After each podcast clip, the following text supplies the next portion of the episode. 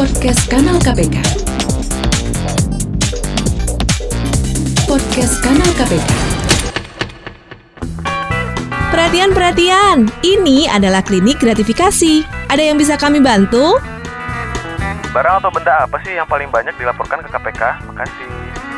Itu tadi pertanyaan dari Didin melalui Twitter dan akan langsung dijawab oleh Kurnia Wantindingrum dari Direktorat Gratifikasi KPK. Silahkan.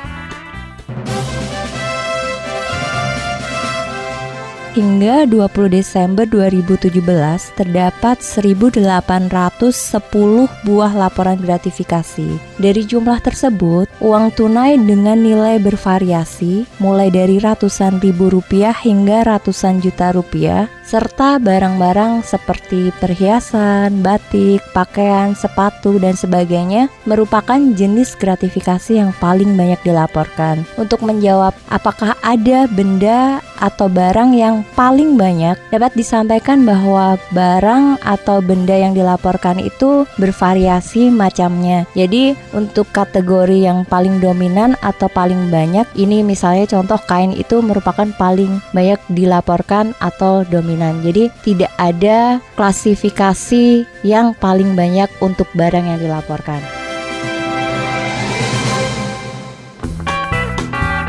Nah, sekarang udah tahu kan? Segala permasalahan seputar gratifikasi dapat Anda tanyakan kepada kami melalui Twitter di @kanal_kpk dengan hashtag klinik gratifikasi. Sampai jumpa di klinik gratifikasi berikutnya.